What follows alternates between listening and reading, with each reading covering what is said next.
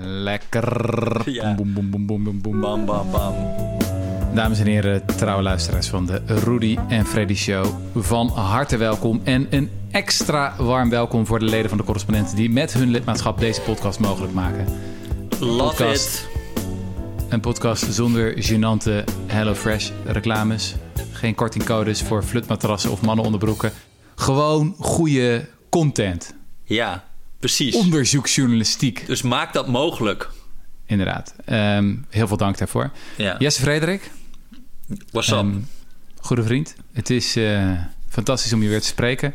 Er zit enige afstand tussen ons. We zijn weer via de moderne technologie met elkaar verbonden.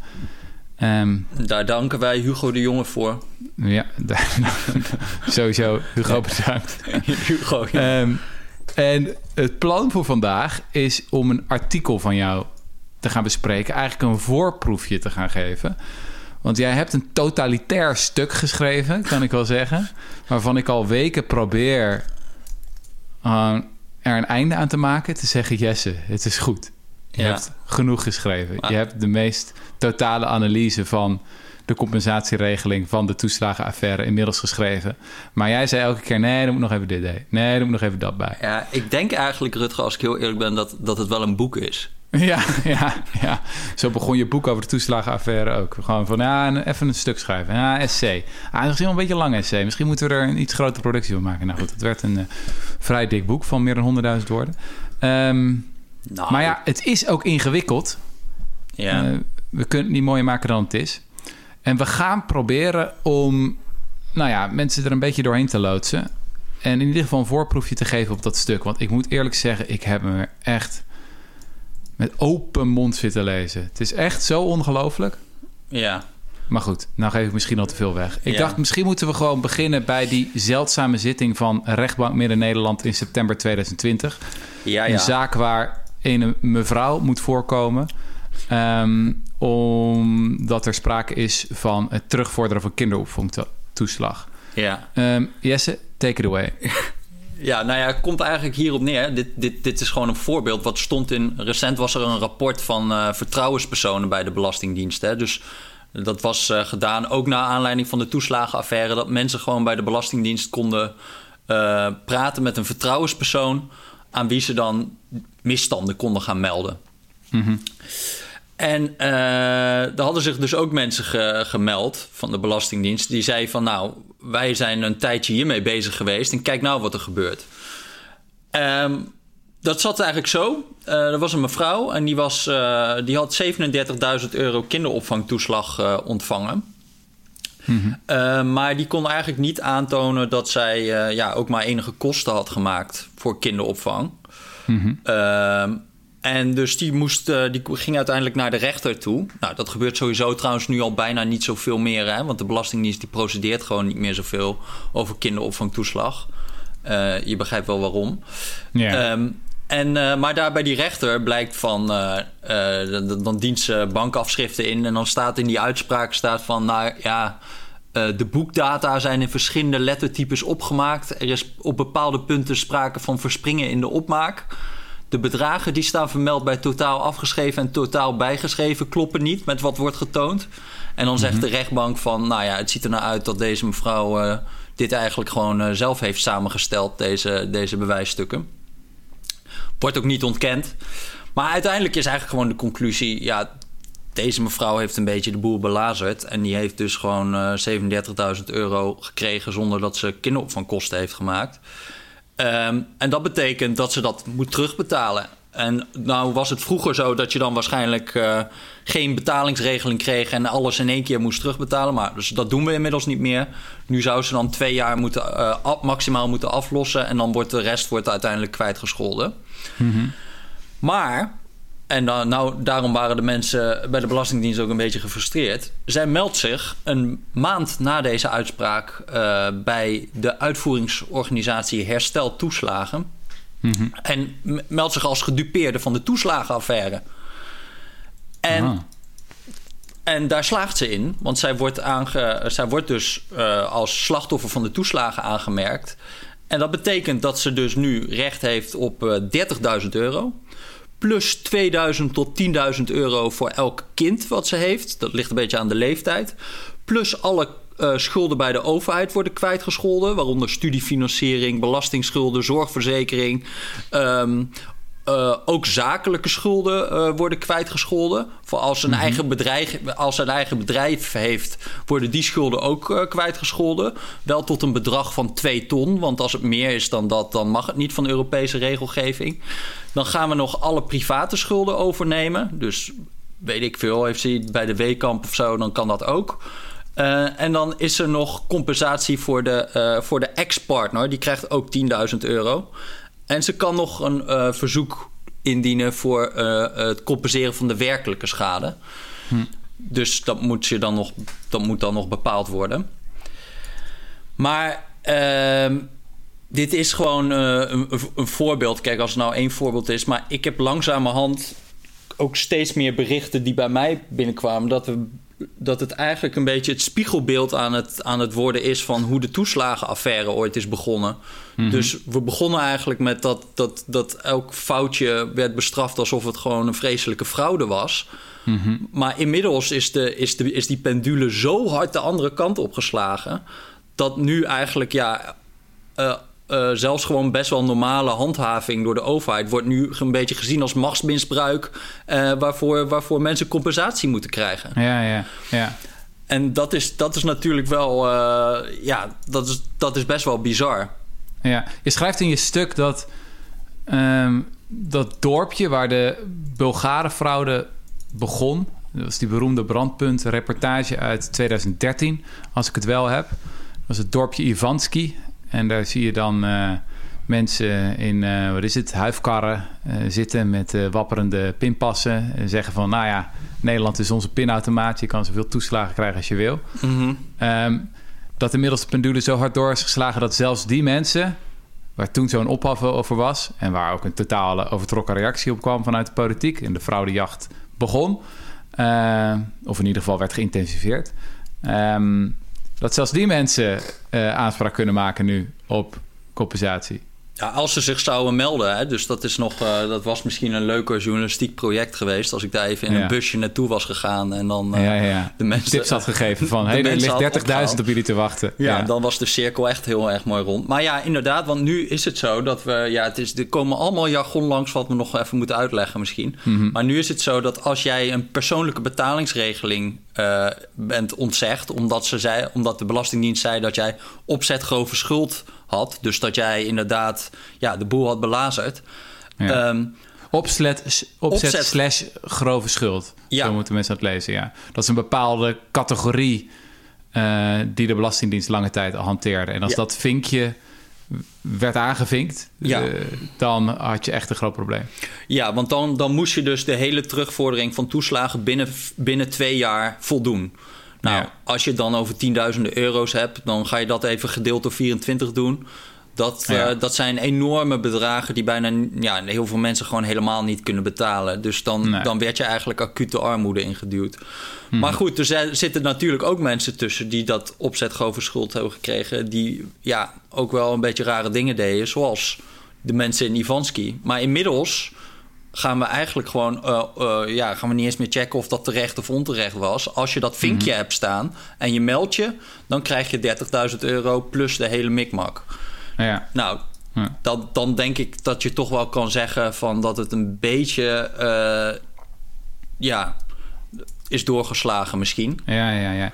Je schrijft op een gegeven moment, en dat vind ik zo'n heerlijke OJO-formulering, de onderzoeksjournalisten-formulering dat uh, uh, blijkt uit documenten in handen van de correspondent. Uh, ik krijg altijd een beetje de kriebels als ik dat in stukken zie staan. Ja, ja, ja. Ik dacht, ik ga het ook maar doen. Ik ga het ook maar doen, dacht ik. Ja, ja, ja. Dat is altijd zo interessant doenerig. Maar goed, in ieder geval, je hebt, je hebt documenten uh, binnengekregen... die circuleren binnen de Belastingdienst. Echt brandbrieven van mensen die zeggen... joh, het loopt echt uit de hand. Kan je een beetje idee geven van de orde van uh, grootte hier? Over hoeveel geld hebben we het? Over hoeveel er nu is uit. Kijk, het is wel. Uh, toen mijn boek eindigde. Toen was ah, ja. er nog 500 miljoen euro begroot voor die hele. Wanneer was dat? Uh, dat was februari 2020. Oké. Okay. Of nee. 2021 natuurlijk. Ja. Februari 2021. Toen stond er nog 500 miljoen euro was er gereserveerd voor compensatie. een half miljard. Ja, een half miljard. En, uh, maar inmiddels is het het tienvoudige. Dus we hebben het over 5,2 miljard euro. Wacht even. In februari 2021 een half miljard. En nu, ik bedoel, we nemen deze podcast op in november 2021. Het tienvoudige. Ja, Tien ja. keer zoveel is er begroot. Ja. Wat die hele compensatieregeling gaat kosten. Dan is de vraag of dat nog helemaal gerealiseerd gaat worden. Hè? Of, nou ja, het kan meer of minder zijn. Ik denk misschien wel Mhm. ietsje minder. Dit is wel... Maar aan de andere kant, ja, ik heb eigenlijk ook geen idee. Ze willen nu nog meer misschien. Dus, Ja. Maar ja, 5,2 miljard euro zitten we nu op. En dat is wel Ja. echt een krankzinnig groot bedrag. Ja. Gewoon, eh, ja, bijna drie keer wat we, wat we uitgeven aan de ziektewet. Anderhalf keer meer dan we uitgeven aan kinderbijslag. Om maar een beetje een idee te hebben in een ja, jaar. Ja, ja. Dus dat zijn wel, eh, ja, dat zijn wel echt gigantische bedragen, ja. Nee, want ik had in het begin zoiets van... Ik weet nog dat je eigenlijk een jaar geleden ook wel eens tegen mij zei van... ja, die compensatieregeling die zou wel eens heel overtrokken kunnen gaan worden. En toen had ik zoiets van, ja, jammer dan, weet je wel. Dan krijgen maar iets te veel mensen iets te veel geld. Maar is dat nou echt het allerergste? Misschien is dat de prijs die we moeten betalen. Maar als je het op een gegeven moment hebt over 5 miljard... Ja, Ja, dat wordt wel heel bizar. En wat je net zei, een regeling die gaat over, over 30.000 plus nog 10.000 voor de ex-partner, plus nog 2 tot 10.000 voor de kinderen, plus het kwijtschelden van alle schulden, studieschuld, verkeersboetes, alle private schulden weg, al die dingen. En dan, kijk, als dat gaat voor mensen wiens leven echt is verwoest, maar is dat zo? Weet je wel? Is, geldt dat voor alle mensen die. eh, ja ook voor hun natuurlijk. Maar aan de andere kant, dat, dat is natuurlijk ook het kromme. Kijk, je, je, moet, je zou er eigenlijk helemaal doorheen moeten lopen. Hè? Dus, want het, is, het, het is dus enorm uitgedijd op een gegeven moment. Maar de, ja, de grootste stappen die zijn gemaakt... is eigenlijk dat je helemaal in het begin... eh, had je eh, een advies van de commissie Donner... ja. En die, die commissie Donner die was eigenlijk gewoon aangesteld door de politiek om te zeggen van nou geef ons eh, een soort van eh, een advies over hoe we nou zo'n compensatieregeling moeten, moeten inrichten voor, ja, voor de toeslagenaffaire. ja. Wanneer was dit? Dit was in, eh, ik geloof in juni 2019 toen zij begonnen ongeveer. En, maar toen, toen ging de toeslagenaffaire eigenlijk vooral over fouten die de Belastingdienst had gemaakt. Dus ja, ze hadden eh, allemaal vage verdenkingen bij, eh, bij gasthouderbureaus. En vervolgens gingen ze bij alle ouders van zo'n gasthouderbureau... gingen ze toeslagen eh, stopzetten gedurende het jaar. En dan ook gewoon, ja, elk, elk, eh, heel veel bewijsstukken uitvragen. Vervolgens op elke slak zout leggen. Hè. Als er gewoon eh, een klein, klein bewijsstuk ontbrak... dan werden gelijk de toeslagen teruggevorderd. En daarna werd ook nog eens enorm getreuzeld... met het eh, behandelen van bezwaarschriften. Dus in een van die zaken duurde dat dan ook wel twee jaar... soms voordat zo'n bezwaarschrift was behandeld. Ja, da- en daarover ging in eerste instantie de toeslagenaffaire. En daarvan zei ook die commissie Donner van ja, die mensen die dat dus overkomen. En zij schatten toen uiteindelijk dat zijn er ongeveer 1800, maar misschien was het vermoedelijk nog minder. Eh, ja, die moeten gewoon hun toeslagen terugkrijgen en nog 25% extra voor, ehm, voor het ervaren leed, zeg maar. Maar wat er toen langzaamaan gebeurde, was dat er eigenlijk gewoon veel meer mensen eh, die begonnen ook te melden van ja, ik ben ook, eh, ik ben ook eh, eh, de financiële afgrond ingereden door, doordat kinderopvangtoeslag is teruggevorderd. Alleen dat was heel vaak wel, waren dat gewoon niet mensen per se die dan de dupe waren door ja, van die vage verdenkingen en, en, en rare dingen van de Belastingdienst. Maar vooral gewoon omdat de wet eh, of de uitleg van de wet in de tijd gewoon heel hard was. Dus wie, als je een deel van de kinderopvangkosten niet betaalde, dan was je gewoon, moest je meteen alle kinderopvangtoeslag eh, terugbetalen. Of, en dat is ook heel vaak gebeurd, van als je niet reageerde op brieven van de Belastingdienst, dus zij vroegen jou om informatie en je re- reageerde daar helemaal niet op, dan werd ook gewoon de hele kinderopvangtoeslag teruggevorderd. Eh, als je een tijd geen vaste woon- of verblijfplaats had, dan verloor je, dat, eh, verloor je toeslagen. Of als je een vluchteling in huis nam zonder verblijfsvergunning, dan verloor je, eh, verloor je alle toeslagen. Nou ja, dat soort, dat soort dingen, hè? Hm. En dat was wettelijk, dat was legaal.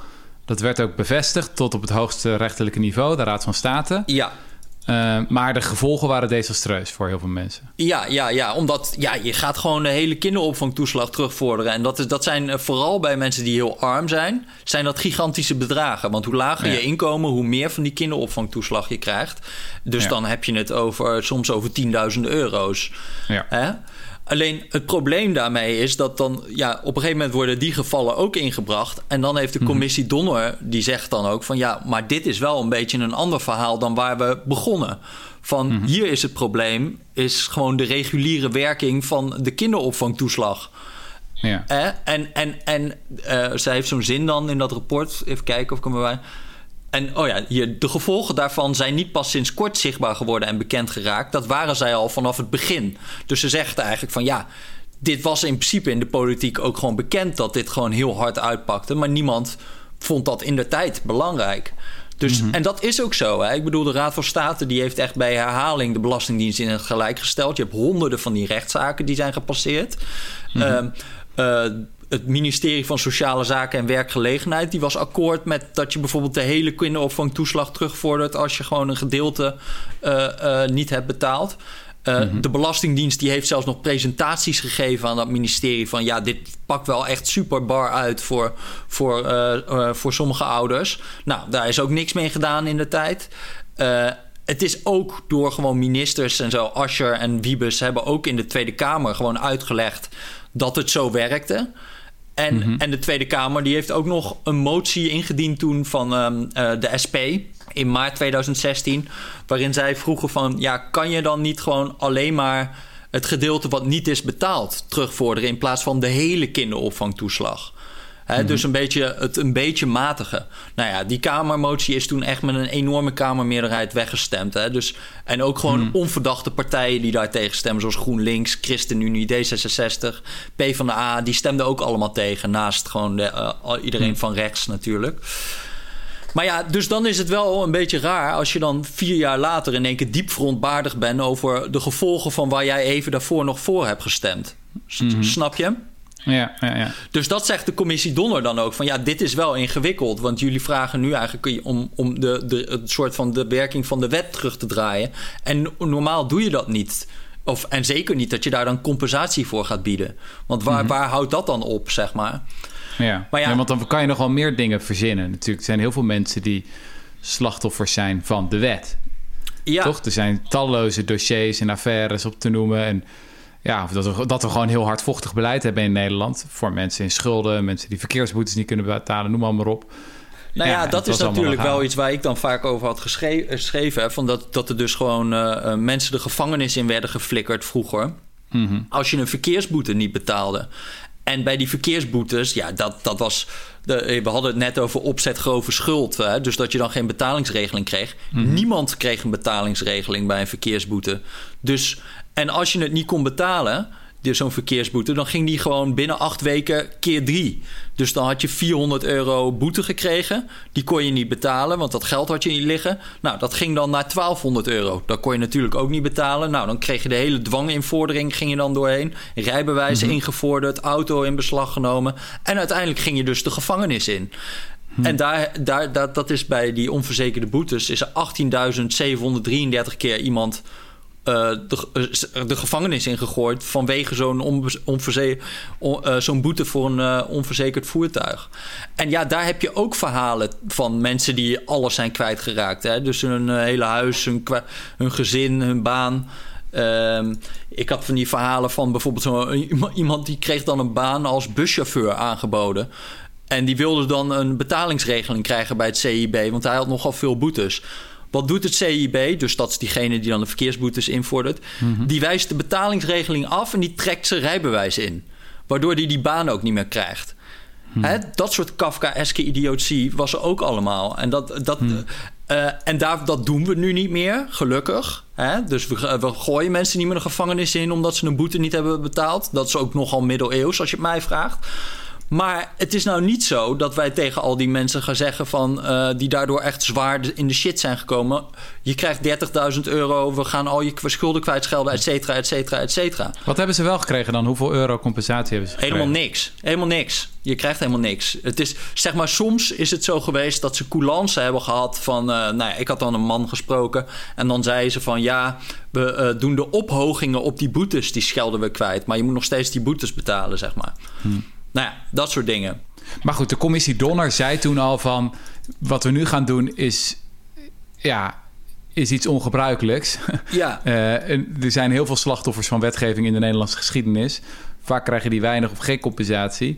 Wat we, ja, uh, weet je zeker dat je wat doen? Precedentwerking. Ja, uh, ja en dat is kan natuurlijk wel heel ingewikkeld gaan worden. Gewoon een hele koude juristerij, hè, precedentwerking. Maar het is natuurlijk wel een reëel punt in die zin van... ja, als je iets doet dan moet je het ook kunnen waarmaken voor alle gelijke gevallen. Hè? Gelijke gevallen gelijk behandelen. Ja. Um, maar, zij, maar goed, zij hadden ook wel, eh, wel gewoon een oplossing hoor. Voor mensen die dan wel de dupe waren van die hele harde uh, wetgeving. Want ze zeiden van: mm-hmm. oké. Okay, uh, wat, je, wat je daarvoor moet doen is in ieder geval alle openstaande toeslagenschulden die er nog zijn, die ga je kwijtschelden. Um, als het besluiten zijn tot vijf jaar terug, dan kan je ook alsnog toeslagen toekennen. Uh, daar was ook toen al in de wet de ruimte voor. Maar als er nou mensen zijn van langer dan vijf jaar terug, dan moet je eigenlijk pas alleen gaan compenseren als het echt hele schrijnende situaties zijn. Dus inderdaad, mensen die heel erg hun baan zijn kwijtgeraakt en weet ik het allemaal door, daardoor. En mm-hmm. als de terugvordering groter was dan 10.000 euro. Dus zij zei eigenlijk heel erg duidelijk van je moet daar wel een grens stellen. En dat had ook een praktische reden, van, want los van, van dat je er een soort van juridisch verhaal over kan hebben. Het, het, zij zei ook uh, in dat rapport van. Uh, dat is wel een goede zin eigenlijk, vooral met de kennis van nu. Oh ja, je, een aanpak van de erfenis van 15 jaar kinderopvangtoeslag wordt een uitzonderlijk groot project. Het risico is daarom reëel dat het ambtelijk apparaat binnen korte tijd zal worden overstroomd met een golf aan verzoeken en daarin zal verdrinken. Dat moet niet onderschat worden. Wow. Dus zij zeggen eigenlijk: je moet uitkijken dat als je dat, die compensatieregeling heel groot maakt, dan heb je straks een enorme hooiberg van uh, uh, mensen. Waarin je dan de, de meest zwaar gedupeerde mensen, ja, die moet je dan, die, die vallen dan eigenlijk daar tegen weg. Dat is dan, uh, dat wordt ja. een speld in een steeds grotere hooiberg. Mm-hmm. Dus, nou ja, dat was hun logica. Maar het, eigenlijk het eerste wat er toen is gedaan, is uh, dat uh, uh, staatssecretaris Van Huffelen... die neemt dat rapport netjes in ontvangst. En die, en die zegt meteen, leuk, leuk advies, maar gaan we niet doen. Ja. We gaan die grens niet op 10.000 euro zetten, maar op 1500 euro. En we gaan iedereen vanaf het begin van het toeslagenstelsel... gaan we compenseren voor de, voor de hardvochtige gevolgen van wetgeving.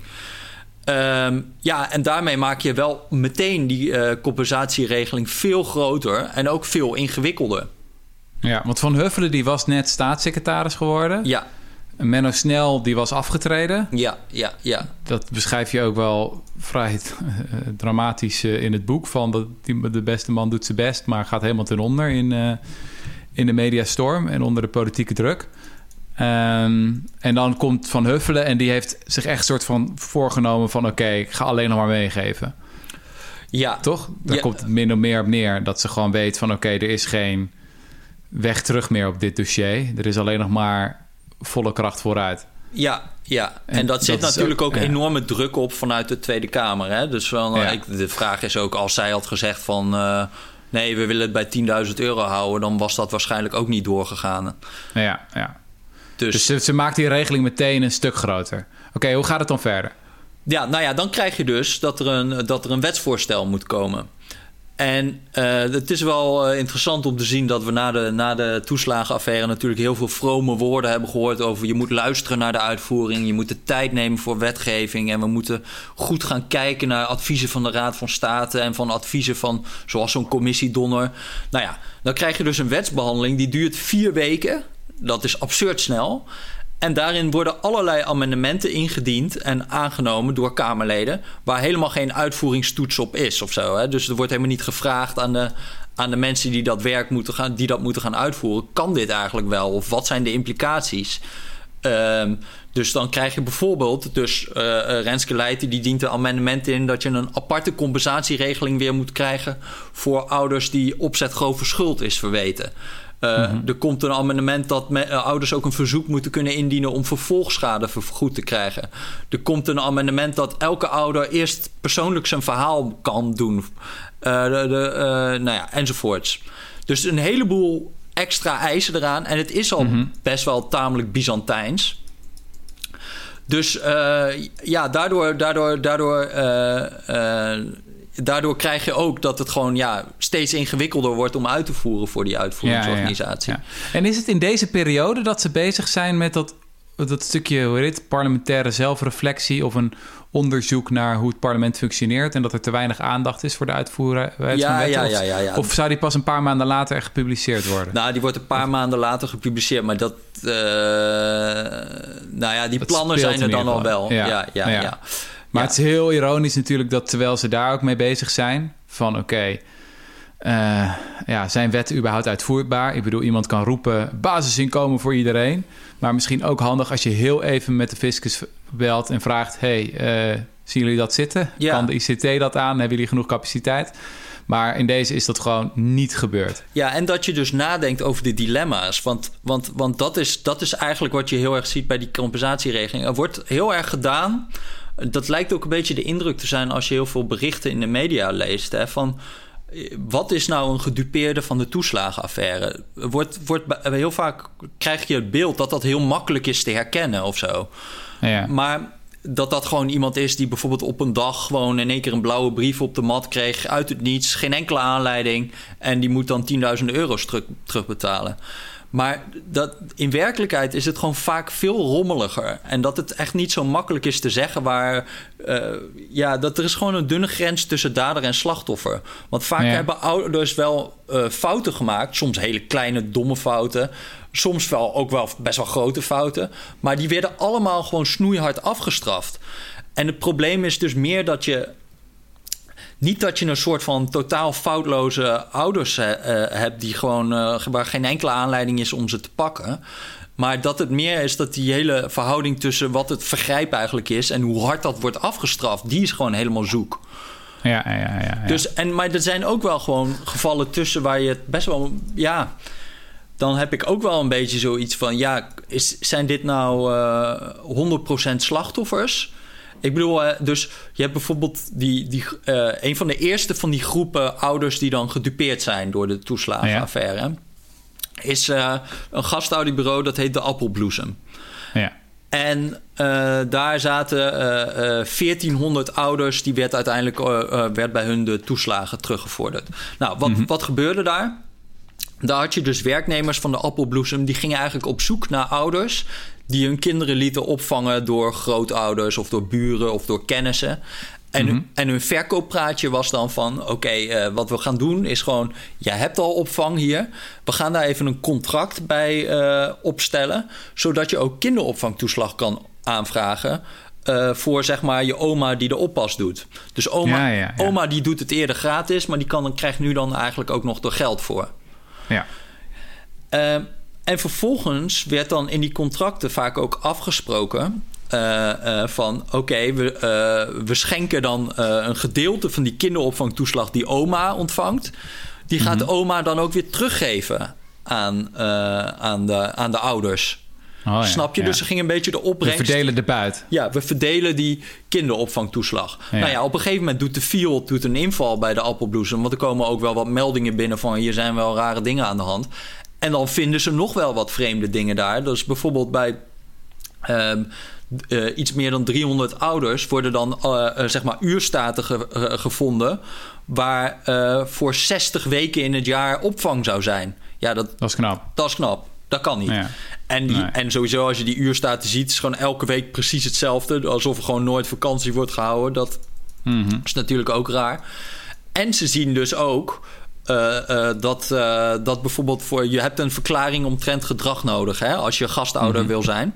Dus dan ging oma, die vroeg een verklaring omtrent gedrag aan in zeg november. Maar dan was er al kinderopvangtoeslag en een contract eh, vanaf januari. Dus er werd, van, werd eigenlijk met terugwerkende kracht kinderopvangtoeslag aangevraagd. Eh, op basis van contracten die achteraf waren aangepast. Ja. En dat werd ook, aange, eh, dat werd ook zeg maar, eh, er is uiteindelijk een strafrechtelijke zaak tegen die eigenaar van de appelbloesem geweest. En die, Ja. daarin werd dat ook gewoon erkend door medewerkers. Van ja, we Ja. gingen contracten achteraf eh, opstellen. ja, dus dat is duidelijk frauduleus. Die eigenaar van de opperbloesem ook duidelijk frauduleus. Ja, maar ja, Tenminste, kijk, zoals ik het hoor. Maar die ouders dan, dat zit een beetje tussenin, toch?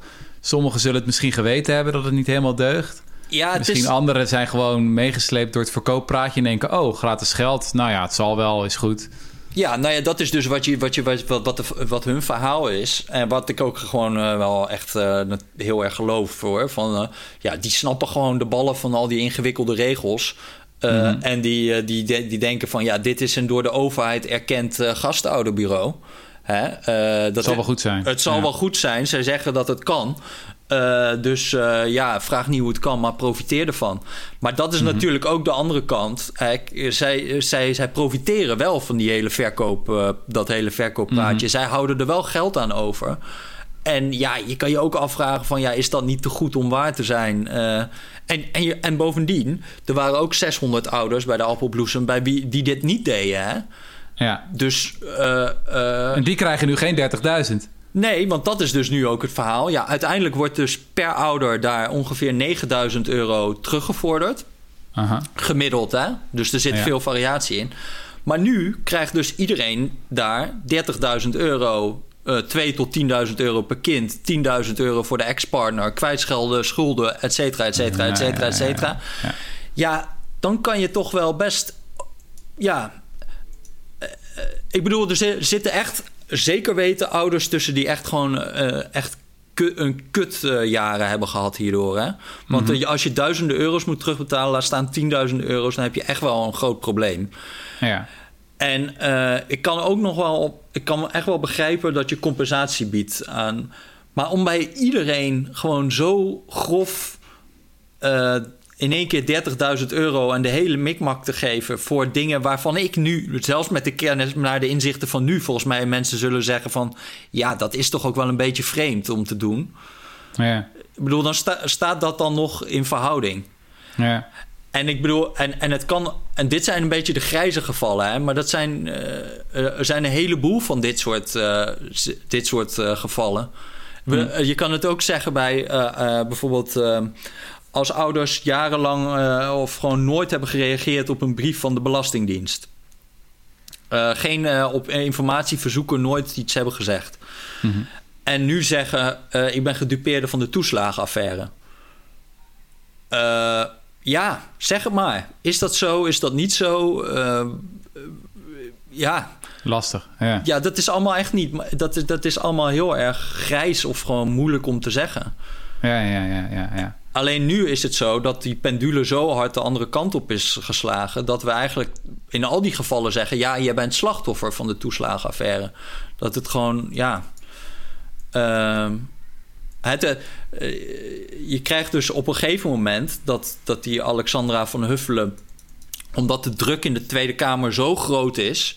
Eh, om, om snel iets te doen. En je, en je ziet, omdat het zo ingewikkeld is geworden, die compensatieregeling, dat het toen ook heel erg lang duurde. Hè. Toen wilden ze veel meer nog alles uitpluizen in aparte dossiers om te kijken, ja, hoeveel schade heb je nu te echt? En dat dan vergoeden. Dat was ook een beetje die benadering van Donner iets meer. Dat is gewoon ingewikkeld, toch? Dat kost gewoon veel tijd. Dat Ja. soort maatwerk. Dat kost Dan moet je echt dossiers heel goed beoordelen, leren kennen. De- ja, ben je gewoon heel wat man slash vrouw uren aan kwijt. Ja, en het, en het probleem is ook dat, dat, dat, dat bij de Belastingdienst gewoon een heleboel van die ICT is helemaal niet ingericht op het idee dat je nog iemand tien jaar later zou willen weten hoe dit allemaal precies is gelopen. Ja. Dus voor een heel groot gedeelte zijn ze ook gewoon bezig met een soort van digitale archeologie. Om al Ja, die dingen ja. bij elkaar te krijgen en te begrijpen wat is hier nu precies gebeurd. En dat het wordt nog erger als je dus volgens mij voor 2012, als ik het goed heb. Want toen hadden ze nog een ander ICT-systeem. En daar is eigenlijk bijna helemaal niks meer van eh, terug te krijgen. Hm. Dus ja, het, dan wordt het heel lastig, uh, zeg maar. Hm. Het is ook dat er elke keer nieuwe problemen ontstaan, toch? Dat dan mensen 30.000 euro krijgen en dan, nou ja, dan hebben ze bijvoorbeeld nog schulden bij de overheid. En dan wordt gezegd, oké, alle overheidsschulden ook weg. Maar dan blijken ze nog private schulden te hebben. En dan die private schuldeisers, die zeggen dan natuurlijk van... nou, ga die 30.000 euro maar naar mij. En dan, oh, dat moet ook weg. Ja. Weet je? Of dan hebben ze nog boetes uitstaan of, of, of, of andere dingen. En dan wordt dat allemaal stopgezet. Maar dan krijg je enorme aanzuigende werking van allemaal mensen die zeggen van... hey, uh, ik ben misschien ook wel slachtoffer van de toeslagenaffaire. Ja. Ik bedoel, ik vertelde van die taxichauffeur... Uh, bij wie ik laatst zat, die zei... ik ben ook slachtoffer van de toeslagenaffaire. En uh, ik zo, huh, is het dan misgegaan met het kinderopvangtoeslag? Ja, nee, ik moest terugbetalen. En ik zo, hoe dan? Ja, mijn inkomen had ik te laag gezet of zo. Wat normale werking is van hoe ja. ja. toeslagen aangepast worden ieder jaar. Als je inkomen iets anders uitpakt dan je had gedacht van tevoren. Maar hij had dat geïnterpreteerd als ik ben slachtoffer van de toeslagenaffaire. En dat was hartstikke mooi, want het CEIB was daardoor gestopt met het innen van al zijn verkeersboetes. Ja. Dus er was er zeer in zijn nopjes mee. En hij uh, had het ook al aan verschillende mensen in zijn omgeving getipt. Dus, uh, ja, dat is er misschien ook nog goed om even te, inderdaad. Want op een gegeven moment dan gaat dus Alexandra van Huffelen die kondigt dan aan van oké, we willen nu gewoon, het duurt te lang al dat uitpluizen. We gaan nu iets heel grofmazigs doen. Ja. Iedereen die meer dan 1500 euro teruggevorderd heeft gekregen, uh, als gevolg van de harde werking van de wetgeving, die krijgt gewoon 30.000 euro nu. Ja. Um, en dat, die krijgen dat voor 1 mei. Dus in december 2020 uh, kondigt zij dat aan. En dan voor mei 2021 moet dat allemaal geregeld zijn. En op dat moment hebben zich ongeveer 9000 mensen nog gemeld als gedupeerden. Hm, hm. Hm. maar dan blijkt inderdaad, wat jij, wat jij ook zegt, uh, van... Uh, oh, maar wacht even, als je 30.000 euro uitkeert... dan gaat dat in eerste instantie meteen naar de schuldeisers toe. Daar moeten we snel een oplossing voor hebben. Nou, dan zegt Van Huffelen... oké, wat we gaan doen is gewoon alle schulden kwijtschelden. En, en zo gauw je je meldt als gedupeerde... pauzeren we ook alle invordering van schulden. Hmm. Want het kan niet zo zijn dat er nu dat dan blijkt dat een overheidsdienst iemand die mogelijk gedupeerd zou kunnen zijn van de toeslagenaffaire, uh, ja, dat daar dan nu iets ergs mee gebeurt. Mhm. Dus zo gauw je je eigenlijk meldt bij, uh, uh, bij, als gedupeerde, wordt een jaar lang worden gewoon je schulden worden gepauzeerd. Wordt de invordering gepauzeerd. Nou, wat gebeurt er dus nu? inmiddels hebben zich bijna 50.000 mensen gemeld als gedupeerde van de toeslagenaffaire. En je hebt iets dat heet de lichte toets. Dus dan gaan ze heel snel gewoon proberen door die, door die, uh, door die gegevens die er aanwezig zijn bij de Belastingdienst te zoeken naar een reden om jouw compensatie te geven. Mhm. Voordat die uh, regeling er was van 30.000 euro, kwam ongeveer 30% van de ouders kwam niet door zo'n lichte toets. Hè? Mm dus die waren niet, dat had niet per se, dus die hadden iets met hun inkomen misschien, of die hadden iets anders, of hadden helemaal geen kinderen, of hadden geen kinderopvangtoeslag, dat kan ook. Eh, mhm. maar die, uh, die kwamen daar toen niet doorheen. Maar na die 30.000 euro regeling, inmiddels is 60 tot 80 procent. Ah, ik hoorde zelfs bij de laatste steekproeven dat het bijna 90 procent was. Komt niet door zo'n lichte toets. Dus er is eigenlijk een enorme uh, uh, toestroom van kansloze aanmeldingen. Maar dat komt omdat we inmiddels gewoon in Nederland veel meer rechten toekennen aan mensen die potentieel gedupeerd zijn van de toeslagenaffaire. dan als jij gedupeerd bent van gewone ellende. Gewone ellende is een stuk minder interessant dan zeg maar toeslagenaffaire ellende. En dus je krijgt gewoon heel veel mensen die echt zwaar in de shit zitten, die, waar ook echt wel iets mee aan de hand is. Um, die zich dan gaan melden bij, uh, om, uh, bij, de, uh, bij de uitvoeringsorganisatie voor toeslagen. Omdat zij, dan, omdat zij daardoor tenminste enigszins weer ademruimte krijgen. Ja, in ieder geval niet die boetes hoeven te betalen. Of, ja, of, of is dan gepauzeerd. Ja. Ja, ja. Ja, ja, dan kan je eventjes ademen. Ja, ja. ja. En dat is dus, dat is dus ook wat, we, wat ik eerder zei. Van je, dat, dat, eigenlijk heeft de politiek hiermee dus ook... Ja, zo'n enorme hooiberg van ellende gemaakt. Waarin, ze, waarin dat, die uitvoeringsorganisatie mag nu de speld van echte gedupeerden gaan terugvinden in die 50.000. Ja. Is dat moeilijk? Want je zei die lichte toets die moet dan gedaan worden, waar 80, 90 procent niet doorheen komt. eh, je zou kunnen zeggen van... oké, nou ja... Van de eh, laatste. Hoe erg is het nou dat mensen die in de shit zitten... een jaar lang even hun schulden niet hoeven te betalen? Nee, dat is... Eh, als ze relatief makkelijk weer gefilterd worden. Kijk, als ze allemaal die 30.000 zouden krijgen... dan zou ik wel op een gegeven moment denken van... oké, dit loopt wel een beetje uit de klauwen. Of helemaal totaal compleet uit de klauwen. Maar als ze wel netjes gefilterd worden... Wat is, hoe erg is dat dan? Nou, dat is op zich, eh, van wat mij betreft, ook niet, niet eens zo heel erg. Maar het is natuurlijk wel allemaal vrij bizar hoe dit dan loopt. Van, je, als je nou zou zeggen van wij vinden eh, ook reguliere ellende gewoon heel erg in Nederland. Ja. En wij gaan investeren in schuldhulpverlening. En we gaan zorgen dat mensen ademruimte kunnen krijgen. Maar nu moeten ze zich dus voordoen als slachtoffer van de toeslagenaffaire om hulp te krijgen. Dat is toch bizar? Dat is toch niet. Ja. eh, dan gaan we nu. Eigenlijk zijn we een beetje de verzorgingsstaat aan het heruitvinden. via Ja, een soort van crisisorganisatie bij de Belastingdienst. En dat zie je dan het is ook een soort die- van in- verzorgingsstaat plus of zo, hè? Dat normaal als gewoon eh, slachtoffer van reguliere ellende... heb je niet zo heel veel rechten. En zitten allerlei clubs eh, in je nek te hijgen... om zo snel mogelijk allemaal dingen af te betalen. Ja, Ja. terwijl als, als, als slachtoffer van de toeslagaffaire... heb je soort van geprivilegeerde positie. ja. En eh, goed, dat klinkt nu een beetje hard. Ik bedoel, het zijn veel, heel veel mensen natuurlijk snoeihard geraakt. Ehm, maar ja, je snapt wel die aanzuigende werking. Dat heel veel mensen denken van... hé, hey, ik wil ook op deze trein mee. Ja, en het probleem daarvan is natuurlijk, kijk, je hebt ouders die minder dan 30.000 euro schade hebben, of, eh, eh, eh, maar ook mensen die nog recht hebben op veel meer compensatie dan die 30.000 euro. En je kan ervan uitgaan dat hoe meer jij hebt teruggevorderd is en hoe meer jij hebt terug moeten betalen, hoe erger de, de, de situatie is.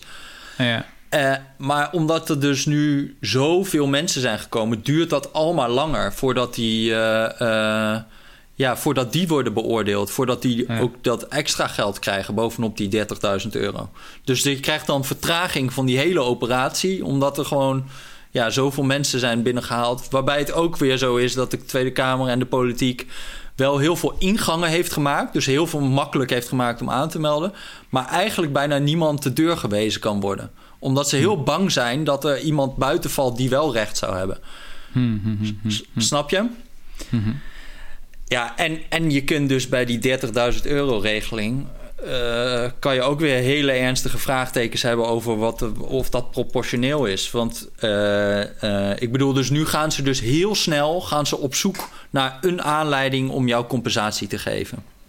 Dus als ze ook maar één bankafschrift vinden waaruit blijkt dat jij wel een gedeelte van de kinderopvangkosten hebt voldaan, dan krijg je gewoon 30.000 euro. Want dat is Ja. de alles of niets benadering. Hè? Dat jij een klein beetje kinderopvangkosten niet hebt betaald. Dat je dan alles werd teruggevorderd. Dat, dan ben je daarvan slachtoffer. Maar als, Ja. je, als je... Kijk, er is nu ook zo'n rapport van de Raad van State... over hun eigen rechtspraak... waarin ze reflectie tonen. Maar Ja. daarin hadden ze op zich wel een goed overzicht van... ja, oké, er wordt nu gezegd... die alles of niets benadering... eh, pakt super onrechtvaardig uit... Eh, eh, en dat is ook zo bij, in sommige gevallen. Hè, van als jij, dus zeg, zeg even dan ook een voorbeeld van zichzelf. Van wij hebben dus bijvoorbeeld een rechtszaak dat iemand 296 euro niet heeft betaald. En dan Ja. 8000 euro moet terugbetalen aan Ja. kinderopvangtoeslag. Je hebt nog veel extremere zaken dat het om iets van 300 euro gaat. En dan 18.000 euro moet terugbetalen. Ja, dat slaat helemaal nergens op natuurlijk. Maar eh, de andere kant is dat je ook gewoon zaken hebt waarin iemand bijvoorbeeld 1600 euro heeft betaald, maar bijna 60.000 euro aan kinderopvangtoeslag heeft ontvangen. ja, Dus ongeveer 58.000 euro niet heeft betaald. ja, ja, ja, Ja, Ja. dat is toch in mijn beleving een wat ander verhaal. ja. En Het zegt iets over de waanzin van dit hele dossier. Dat we blijkbaar in een politiek slash media tijdperk leven... waarin we eerst jarenlang kunnen zoeken naar de kleinste foutjes die mensen hebben gemaakt... om ze vervolgens helemaal kapot te maken als we dat kleine foutje kunnen vinden.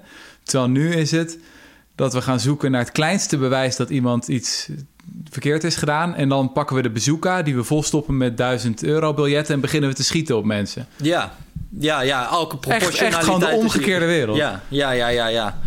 En dit is dan nog, hè, bijvoorbeeld over die. Eh, eh, je vraagt je ook heel erg af: wat is nu eigenlijk de gemiddelde terugvordering bij ouders geweest? Want Aha. je geeft dus nu 30.000 euro. ehm, maar hebben zij ooit zoveel terug moeten betalen? Aha. Nou, Weten we dat? Nou ja, dat, weet, dat is dus heel, heel erg uh, onbekend. Uh, ik, ik weet dat dus bij de appelbloesem was het dus gemiddeld iets van 9000 euro. In die CAF 11 zaak, dus dat is een van die zaken waar de hele toeslagenaffaire mee begon. Dus ook zo'n gasthouderbureau, daar was het iets van 10.000 euro. Ja. Um, maar ja, hoe representatief is dat voor alle ouders? Ik weet, het, ik weet het niet, maar de, de ambtenaren van het ministerie van Financiën wisten het ook niet echt toen ze, toen ze die regeling afkomen. En moesten die 10.000 euro, moest dat ook echt helemaal afbetaald worden dan? Nou ja, dat is nog een tweede. Hè? Dus uh, je, je hebt, als jij um, als jij geen opzet grove schuld uh, werd uh, aangevreven, dus als, niet, als de Belastingdienst niet dacht dat jij uh, de boel opzettelijk had belazerd. Dus bijvoorbeeld mm -hmm. bij de meeste ouders van de appelbloesem was geen opzet grove schuld. Eigenlijk bijna allemaal mm -hmm. niet. Um, ja, dan kreeg je een persoonlijke betalingsregeling. Dat betekende dat je twee jaar lang maximaal moest aflossen. Maar als er daarna nog iets overbleef, dan werd dat kwijtgescholden. Dus ze keken ja. gewoon, wat kan jij betalen? Wat is jouw betalingscapaciteit? Daarvan moest je echt veel of flink aflossen. Um, uh, maar als er dan nog aan het eind van het jaar... ja, of aan, uh, na, na die twee jaar iets overbleef... dan werd dat gewoon weggestreept. Nou, de facto, hè, het stond nog open... maar het heette dan buiten invordering gesteld. Dus toen werden er geen verdere acties ondernomen. Dus die hebben dan vaak maar een paar duizend betaald? Nou ja, dat, dat, dat weet je ook niet zo goed. Dus het is heel ja. veel wat je niet precies weet. Maar als je bijvoorbeeld, uh, ik weet, vroeger was het zo, als je in de, in de bijstand zit, dan kan je eigenlijk maximaal 50 euro in de, in de maand aflossen. Dus dan, ja, dat is, dan heb je 1200 euro na twee jaar. Ja. Uh, dat, maar dat is wel een heel laag inkomen. Maar, ja. maar uh, ja, het verschilt, het verschilt heel erg. Maar het is wel zo dat als je soms hoor je enorm grote bedragen, tienduizenden euro's aan terugvordering zolang er geen opzetgrove schuld is, uh, is de kans dat dat allemaal is terugbetaald best wel klein. Hm. Hm. Of je moet dat nog hebben liggen of zo, hè? Ja, ja, ja, ja. Maar goed, dat is eigenlijk wat je wil. Je rechtvaardigheidsgevoel zegt... laten we al die dossiers heel goed bekijken... en kijken wat is er gebeurd met mensen... nadat hen dit is overkomen in hun leven daarna. Ja, zijn ze, eh, is hun opzet grove schuld verweten... Wat voor consequenties heeft dat gehad? Hoe groot zijn de bedragen geweest die terug mm-hmm. moesten moeten worden betaald? Enzovoort, enzovoort. Dat zijn allemaal ja. dingen die je eigenlijk wil weten. Alleen dat kan niet, toch? Ik bedoel, die, dat, dat maatwerk is, is dan in ieder geval te traag. Uh, en dan zit de Tweede Kamer ondertussen te flippen van... Uh, ik bedoel, wat zei Renske Leijten op een gegeven moment? Van we kunnen allemaal met, uh, met elkaar in een gymzaaltje zitten... en dan is het in één dag geregeld. Ja. Weet je wel, dat soort populistische kletspraat over dat het allemaal zo simpel zou zijn. Ja, nou ja, dat krijg je dus nu ook. Hè. Dat is, maar dat is sowieso het probleem met de toeslagenaffaire. Dat, uh, dat het echt een soort van sprookje is geworden... waarin de helden en de daders en de slachtoffers... allemaal gewoon heel eenduidig en helder zijn. En iedereen die plugt maar in in dat sprookje... en die gaat daar ook weer iets aan toevoegen. En dat blijft ja. maar zo doorgaan. En dus, dus, dan krijg je ook gewoon dat mensen dan in de media komen... en dan doen van het is heel makkelijk... en het is allemaal onwil van de staatssecretaris dat het niet wordt gedaan... Uh, ja, nou ja, inderdaad. Renske, hm. Renske die denkt dat het in een dag geregeld kan zijn. Hm. Uh, ja, dat is natuurlijk wel een beetje een raar verhaal. Als je inmiddels 50.000 mensen hebben die zich hebben gemeld... waarvan een hm. heel groot gedeelte niet eens door een lichte toets heen komt... waarvan je kan afvragen of de mensen die wel door die lichte toets komen... of dat in alle gevallen helemaal terecht is... En dat je dan gaat roepen dat het even in een dagje geregeld kan worden. Ja, ik vind dat echt van ja, buitengewoon cynisch. Je gaat bijna... het is gewoon totale onzin. En of ze is heel erg dom, of ze is ja, gewoon bijna kwaadaardig bezig, toch? Want je, je bent ook gewoon echt valse verwachtingen aan het wekken... bij een groep die heel erg geraakt is. Weet je, ook een groep van slachtoffers... die hele ellendige dingen hebben meegemaakt. En als je dan dat soort onzin aan het roeptoeteren bent... ja, ja dat is of niet... heel erg dom... of het is gewoon kwaadaardig. Eén van die twee. Ja, maar ik, uh, ik weet het weet ik niet. Ik denk wel dat ze gewoon oprecht natuurlijk uh, is uh, begaan met die slachtoffers. En dat door gewoon hoge verwachtingen te scheppen van de staatssecretaris... dat ze daarmee ook meer voor die mensen regelt. De vraag is of dat ook ja, zo... Dat vind je echt heel mild. maar goed. Ja, nou ja. Maar goed, ik weet, ja, ik weet het niet. Ik weet het gewoon niet. Maar, nee, het is, maar en het is wel is dat, iedereen, nu, ja. iedereen nu gewoon uh, uh, uh, een beetje daaraan meedoet. Hè? Gewoon de hele tijd. Ja, ik vind dat gewoon eigenlijk, eigenlijk het allervreemdste. Dat iedereen zo heel erg is van uh, luisteren naar de uitvoering en bla bla bla, weet je wel. Dat, Mhm. dat is echt de, de, de, de afdronk van die toeslagenaffaire. Dat we het nu toch eens goed moeten doen. En de dilemma's helder op tafel. En gewoon eh, nuchter kijken naar eh, eh, wetgeving. En dan krijg je zoiets, zo'n compensatieregeling. En de manier waarop dit uit de klauwen is gelopen, is zo bizar. Hmm. En de, en, de, en de mate waarin niemand dat ook zegt. Hè? Dus de enige trouwens, daar moeten we, moeten we hem toch even enorme credits voor geven. Is Pieter Omtzigt. Die zit, zegt nog wel gewoon tijdens Kamerdebatten van... jongens, ik, eh, ik, eh, dit, dit is, zijn we niet een beetje aan het doorslaan... met, die, eh, Ja. met overcompensatie. Maar hij is echt de enige. En, en, dan, en, en, en ja, dan bijvoorbeeld dan vraagt iemand dus tijdens zo'n Kamerdebat vroeger van... ja, weten we eigenlijk hoeveel overcompensatie er is? Dus wat was eigenlijk de terugvordering bij ouders? Vra- werd dan gevraagd, ook naar aanleiding dat ik omzicht zei van ja, overcompensatie.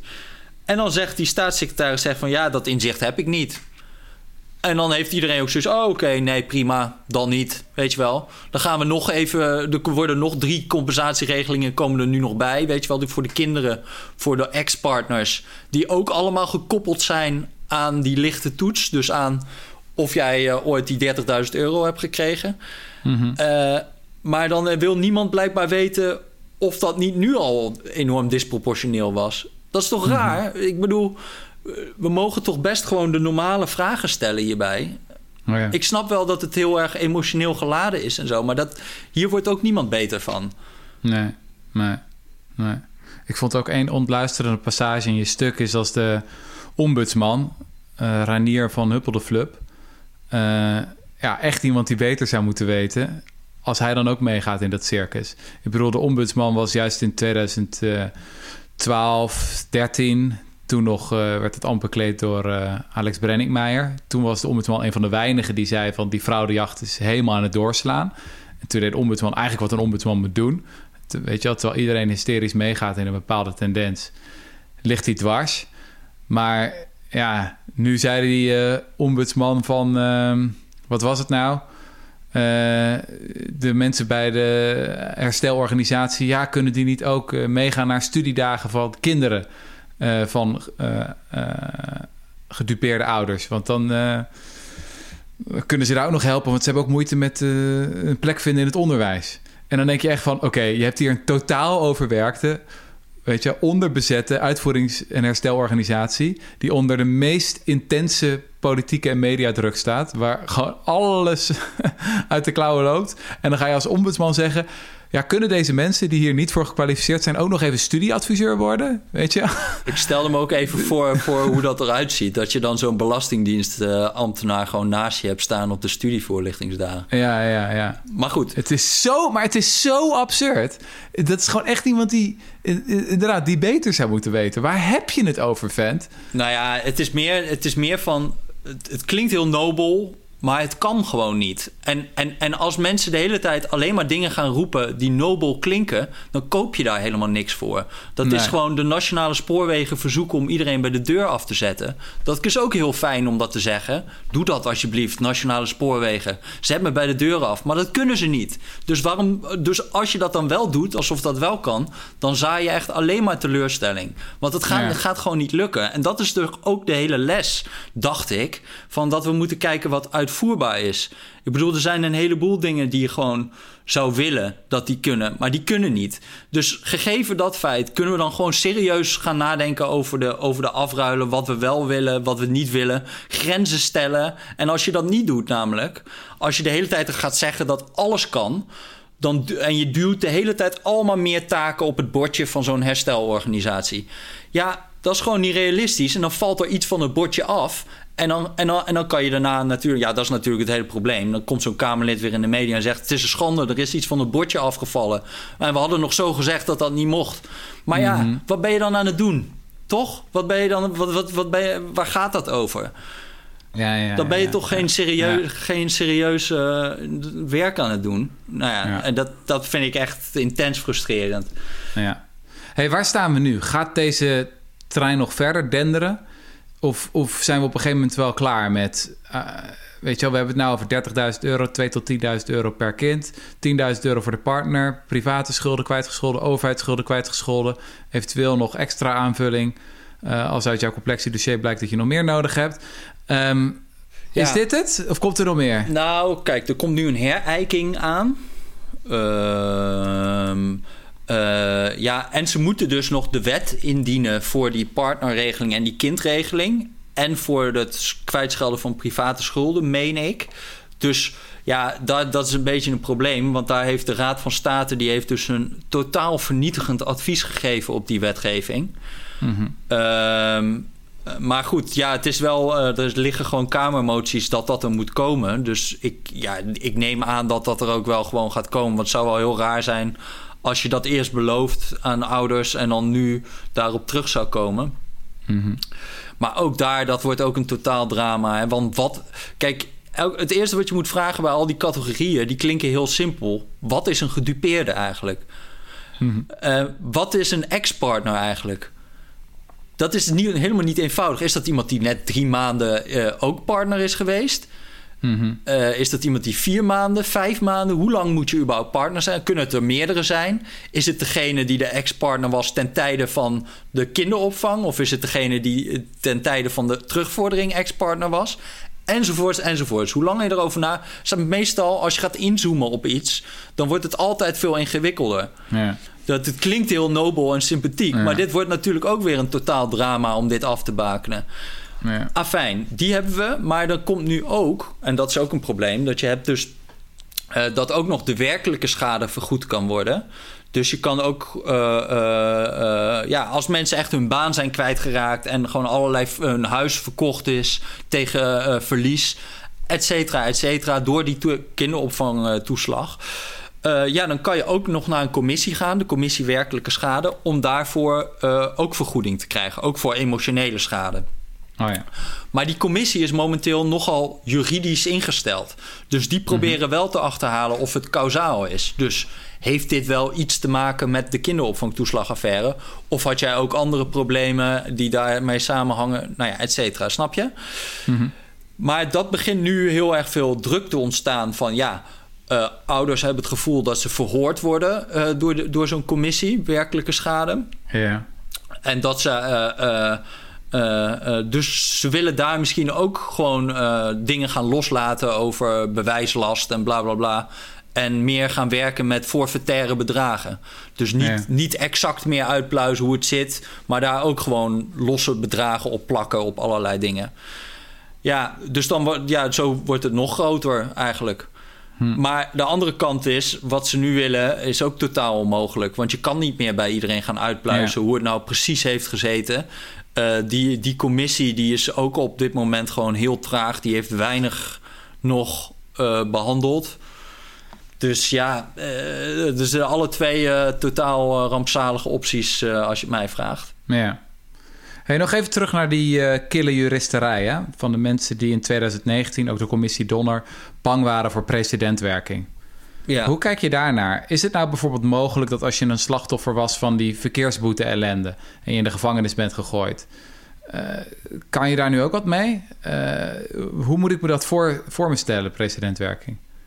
Ja, ik heb eigenlijk geen idee hoe dat precies zou werken. Hmm. Want dan zit die Raad van State ook weer dat dit juridisch kwetsbaar is en bla bla bla. Maar ik weet helemaal niet hoe dat zou werken. Zou je dan naar een rechter kunnen gaan van hé, hey, luister. Ik ben wel benieuwd of er dan nu een soort van creatieve advocaten aan het denken zijn van oké, ik kan een soort van compensatieindustrie gaan beginnen in Nederland. Want er is nu iets gebeurd dat is onvertoond. Ik bedoel, je hebt het in je artikel heb je het over de compensatie die. Um, gegeven werd voor allerlei andere dingen. Ik bedoel, kun je dat lijstje even afgaan? Oh, ja, ja, ja. Dus, dus, dus, dus we hebben die commissie de winter gehad over, uh, over de jeugdzorg. Dus daar was heel ja. veel geweld en seksueel misbruik. Nou, als je daar slachtoffer ben, van bent geweest, dan geeft de overheid je 5000 euro. Ah. Dus uh, als je vader is overleden aan long, neus, neusbijholte, maag of strottenhoofdkanker, omdat Defensie hem blootstelde aan chroom 6, ook misschien wel eens van gehoord Hmm. dan krijg je 4100 euro. Hmm. Uh, veteranen van Dutchbed die in de Srebrenica waren op een totaal onmogelijke missie, die kregen allemaal 5000 euro. Hmm. Hè, dus het is ook niet zo dat de overheid over het algemeen heel erg ruimhartig is of zo. Nee, nee.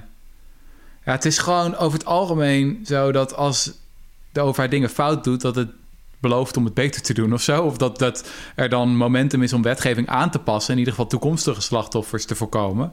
Maar als je eenmaal de stap zet van oké, we gaan echt proberen om dingen die mis zijn gegaan in het verleden te repareren en te compenseren. Ja, dan in ieder geval als je het rechtvaardig wil doen, dan open je een doos van Pandora. Want dan is er zoveel te doen. Ja. Er zit zoveel shit in ons verleden.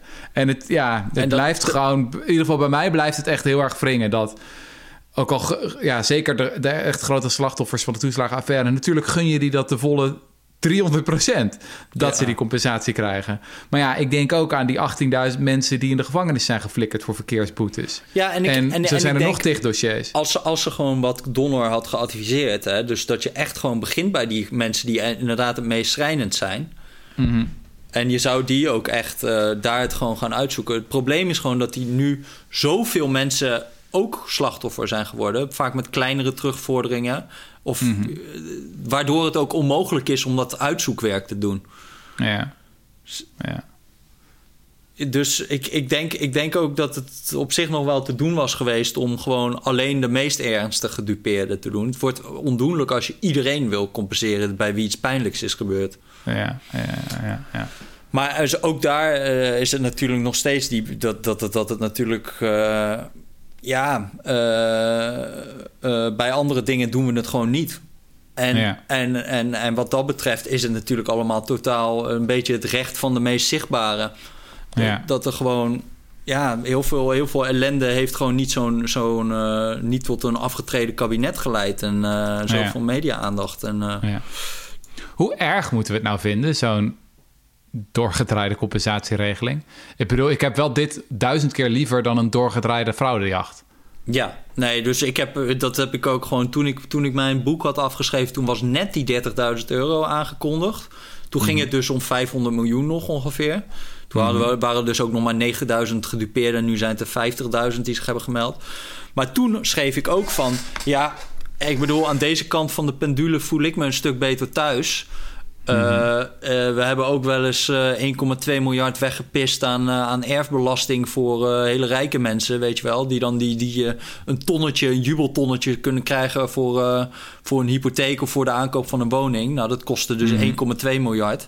Dat doet, Dan denk ik van ja, eh, dit zijn ongetwijfeld ook gewoon mensen die, eh, die, die gewoon eh, eh, eh, weinig hebben. Prima. Maar het wordt wel een beetje. Het begint wel te wringen als het echt over 5,2 miljard gaat voor mij. En. ehm, eh, ja, en ik toch ook wel een beetje het idee heb dat we ook gewoon mensen aan het, aan het compenseren zijn die wel gewoon de boel hebben bedonderd. Eh, Ja. Ik weet niet hoeveel het er zijn.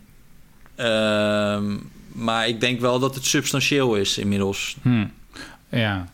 Nou ja, daarvan denk ik van een deel. Ik bedoel, zo'n anekdote waar we dit gesprek mee begonnen. Van zo'n vrouw eh, bij de rechtbank Midden-Nederland. Ja, als dat een paar anekdotes zijn, fair enough. Weet je wel, dat collateral damage. Dat moet je accepteren en dat moet je niet, weet je wel, groot gaan maken in de pers van... oh, dit gebeurt nu en de hele compensatieregeling deugt niet. Nee. Het is echt heel erg de vraag van... oké, is dit generaliseerbaar? En gebeurt het op grotere schaal? Maar goed, wat je zei... eh, er circuleren dus wel allemaal brandbrieven bij de Belastingdienst van... yo, we Ja. hebben echt het gevoel dat dit de verkeerde kant op gaat. Maar daar moet je dus wel ook wel weer van, ja, eh, dat, dat de mensen die aan de. eh, die in de invordering zitten of bij de, bij de, eh, bij de field werken of zo, dat die hier ontevreden over zijn, is misschien ook niet heel verwonderlijk. Nee, maar goed, je krijgt uit zoveel hoeken krijg je dit, hè? Want, want eh, dat is dus, ik denk dat het grootste probleem zit bij die opzetgrove schuld. Eh, van dat je betalingsregeling is ontzegd. Wat, wat, wat ik al zei, hè, dus bijvoorbeeld die mensen van de Bulgarenfraude... die hebben ook opzetgrove schuld gekregen. Mhm. Ja, dat is toch echt gewoon misbruik. En, en, je, en ik heb dus ook zo'n sheet van een... eh, of ik heb een presentatie die dan door eh, eh, het UAT wordt gegeven aan Alexandra van Huffelen... UHT is die uitvoeringsherstel eh, toeslagen. Ja, ja, ja. dus dan hebben ze de, voor het eerst eigenlijk die compensatieregeling met eh opzetgrove schuld gedaan. De eerste 100 mensen ongeveer. En Mhm. op de laatste sheet van die presentatie worden dan een paar van die ervaringen van de beoordelaars eh, worden daar even opgeschreven. Nou, wat zeggen die dan?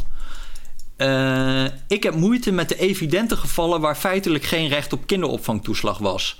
In een casus hadden we een ouder met een kind van 17. De kinderopvangtoeslag is teruggevorderd en is niet terugbetaald. Nu heeft de ouder recht op eh, eh, een opzetgrove schuldcompensatie die gewoon zal worden uitbetaald. En nog een andere die zegt: In veel gevallen kon je zien dat opzetgrove schuld wel degelijk terecht is gesteld.